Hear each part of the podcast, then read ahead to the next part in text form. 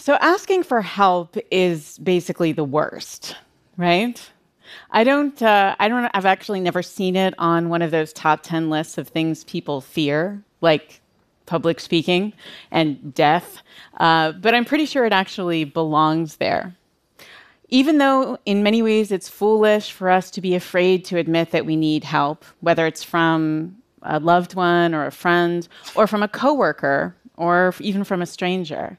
Somehow it always feels just a little bit uncomfortable and embarrassing to actually ask for help, which is, of course, why most of us try to avoid asking for help whenever humanly possible. My father was one of those legions of fathers who I swear, would rather drive through an alligator infested swamp than actually ask someone for help getting back to the road. When I was a kid, we took a, a, family vacation. We drove from our home in South Jersey to Colonial Williamsburg. And I remember we got really badly lost. And my mother and I pleaded with him to please just pull over and ask someone for directions back to the highway and he absolutely refused. And in fact, assured us that we were not lost. He had just always wanted to know what was over here. so, if we're going to ask for help, and we have to, we all do, practically every day, the only way we're going to even begin to get comfortable with it is to get good at it. To actually increase the chances that when you ask for help from someone, they're actually going to say yes. And not only that, but they're going to find it actually satisfying and rewarding to help you, because that way they'll be motivated to continue to help you into the future. So, research that I and some of my colleagues have done has shed a lot of light on why it is that sometimes people say yes to our requests for help and why sometimes they say no. Now, let me just start by saying right now if you need help, you are going to have to ask for it out loud Okay? We all, to some extent, suffer from something that psychologists call the illusion of transparency. Basically, the mistaken belief that our thoughts and our feelings and our needs are really obvious to other people. This is not true, but we believe it. And so we just mostly stand around waiting for someone to notice our needs and then spontaneously offer to help us with it.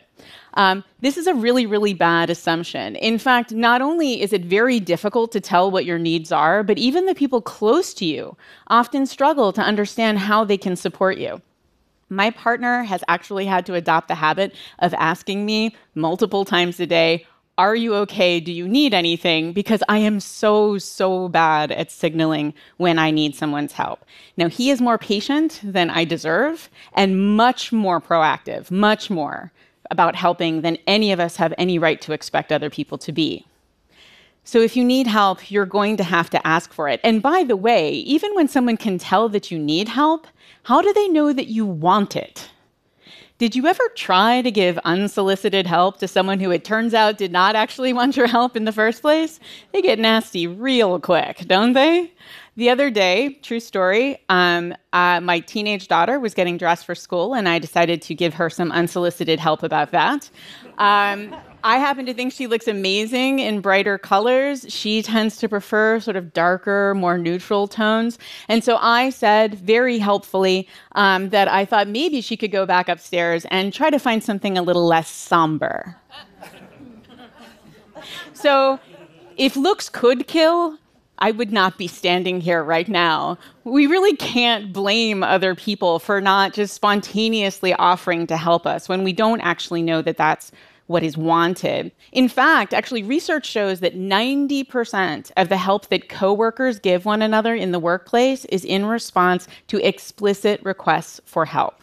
So you're gonna have to say the words, I need your help, right? There's no getting around it. Now, to be good at it, right, to make sure that people actually do help you when you ask for it, there are a few other things that are very helpful to keep in mind. First thing, when you ask for help, be very, very specific about the help you want and why. Vague, sort of indirect requests for help actually aren't very helpful to the helper, right? We don't actually know what it is you want from us. And, and just as important, we don't know whether or not we can be successful in giving you the help. Nobody wants to give bad help. Like me, you probably get some of these requests from perfectly pleasant strangers on LinkedIn who want to do things like get together over coffee and connect, or pick your brain. I ignore these requests literally every time. And it's not that I'm not a nice person. It's just that when I don't know what it is you want from me, like the kind of help you're hoping that I can provide, I'm not interested. Nobody is. I'd have been much more interested if they had just come out and said whatever it was that they were hoping to get from me, because I'm pretty sure they had something specific in mind.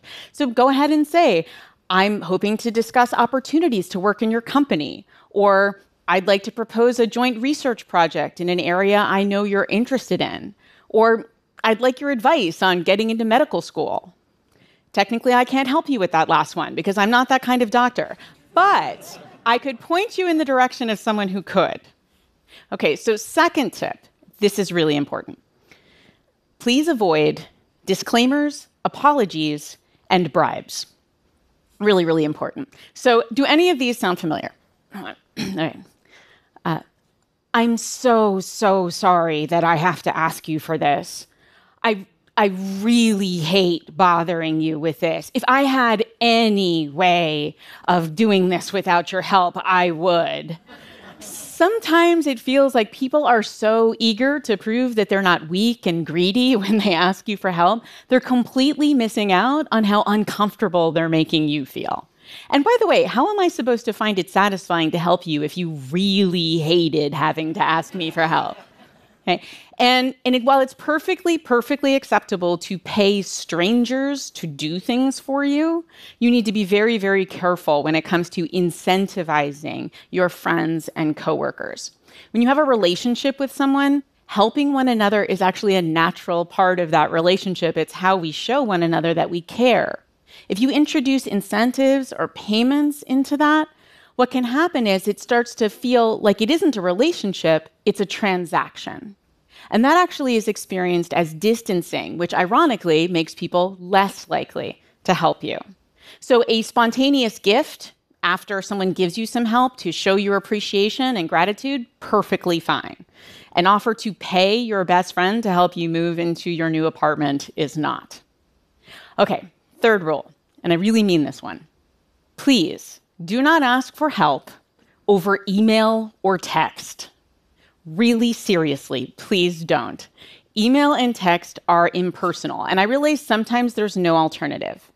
But mostly, what happens is we like to ask for help over email and text because it feels less awkward for us to do so. You know what else feels less awkward over email and text? Telling you no. And it turns out there's research to support this. In person requests for help are 30 times more likely to get a yes than a request made by email. So when something is really important and you really need someone's help, make FaceTime to make the request or use your phone as a phone to ask for the help that you need. Okay. Last one and this is actually a really, really important one, and probably the one that is most overlooked when it comes to asking for help.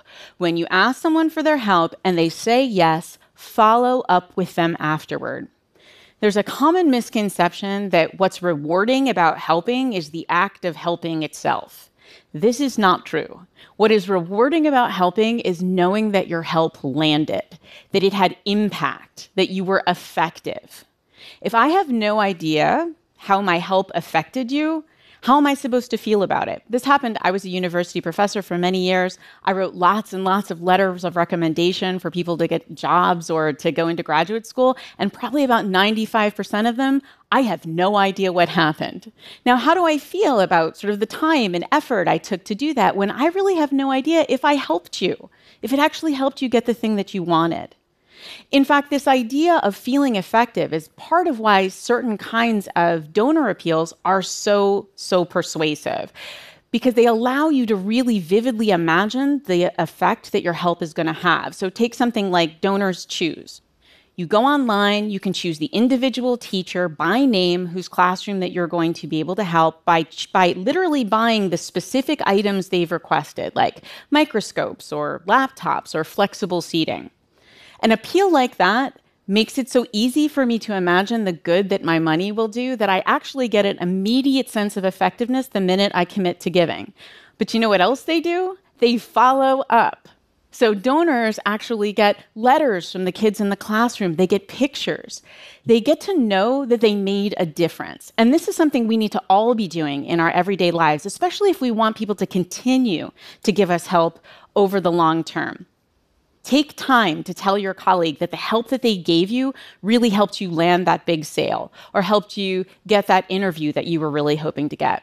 Take time to tell your partner that the support they gave you really made it possible for you to get through a tough time.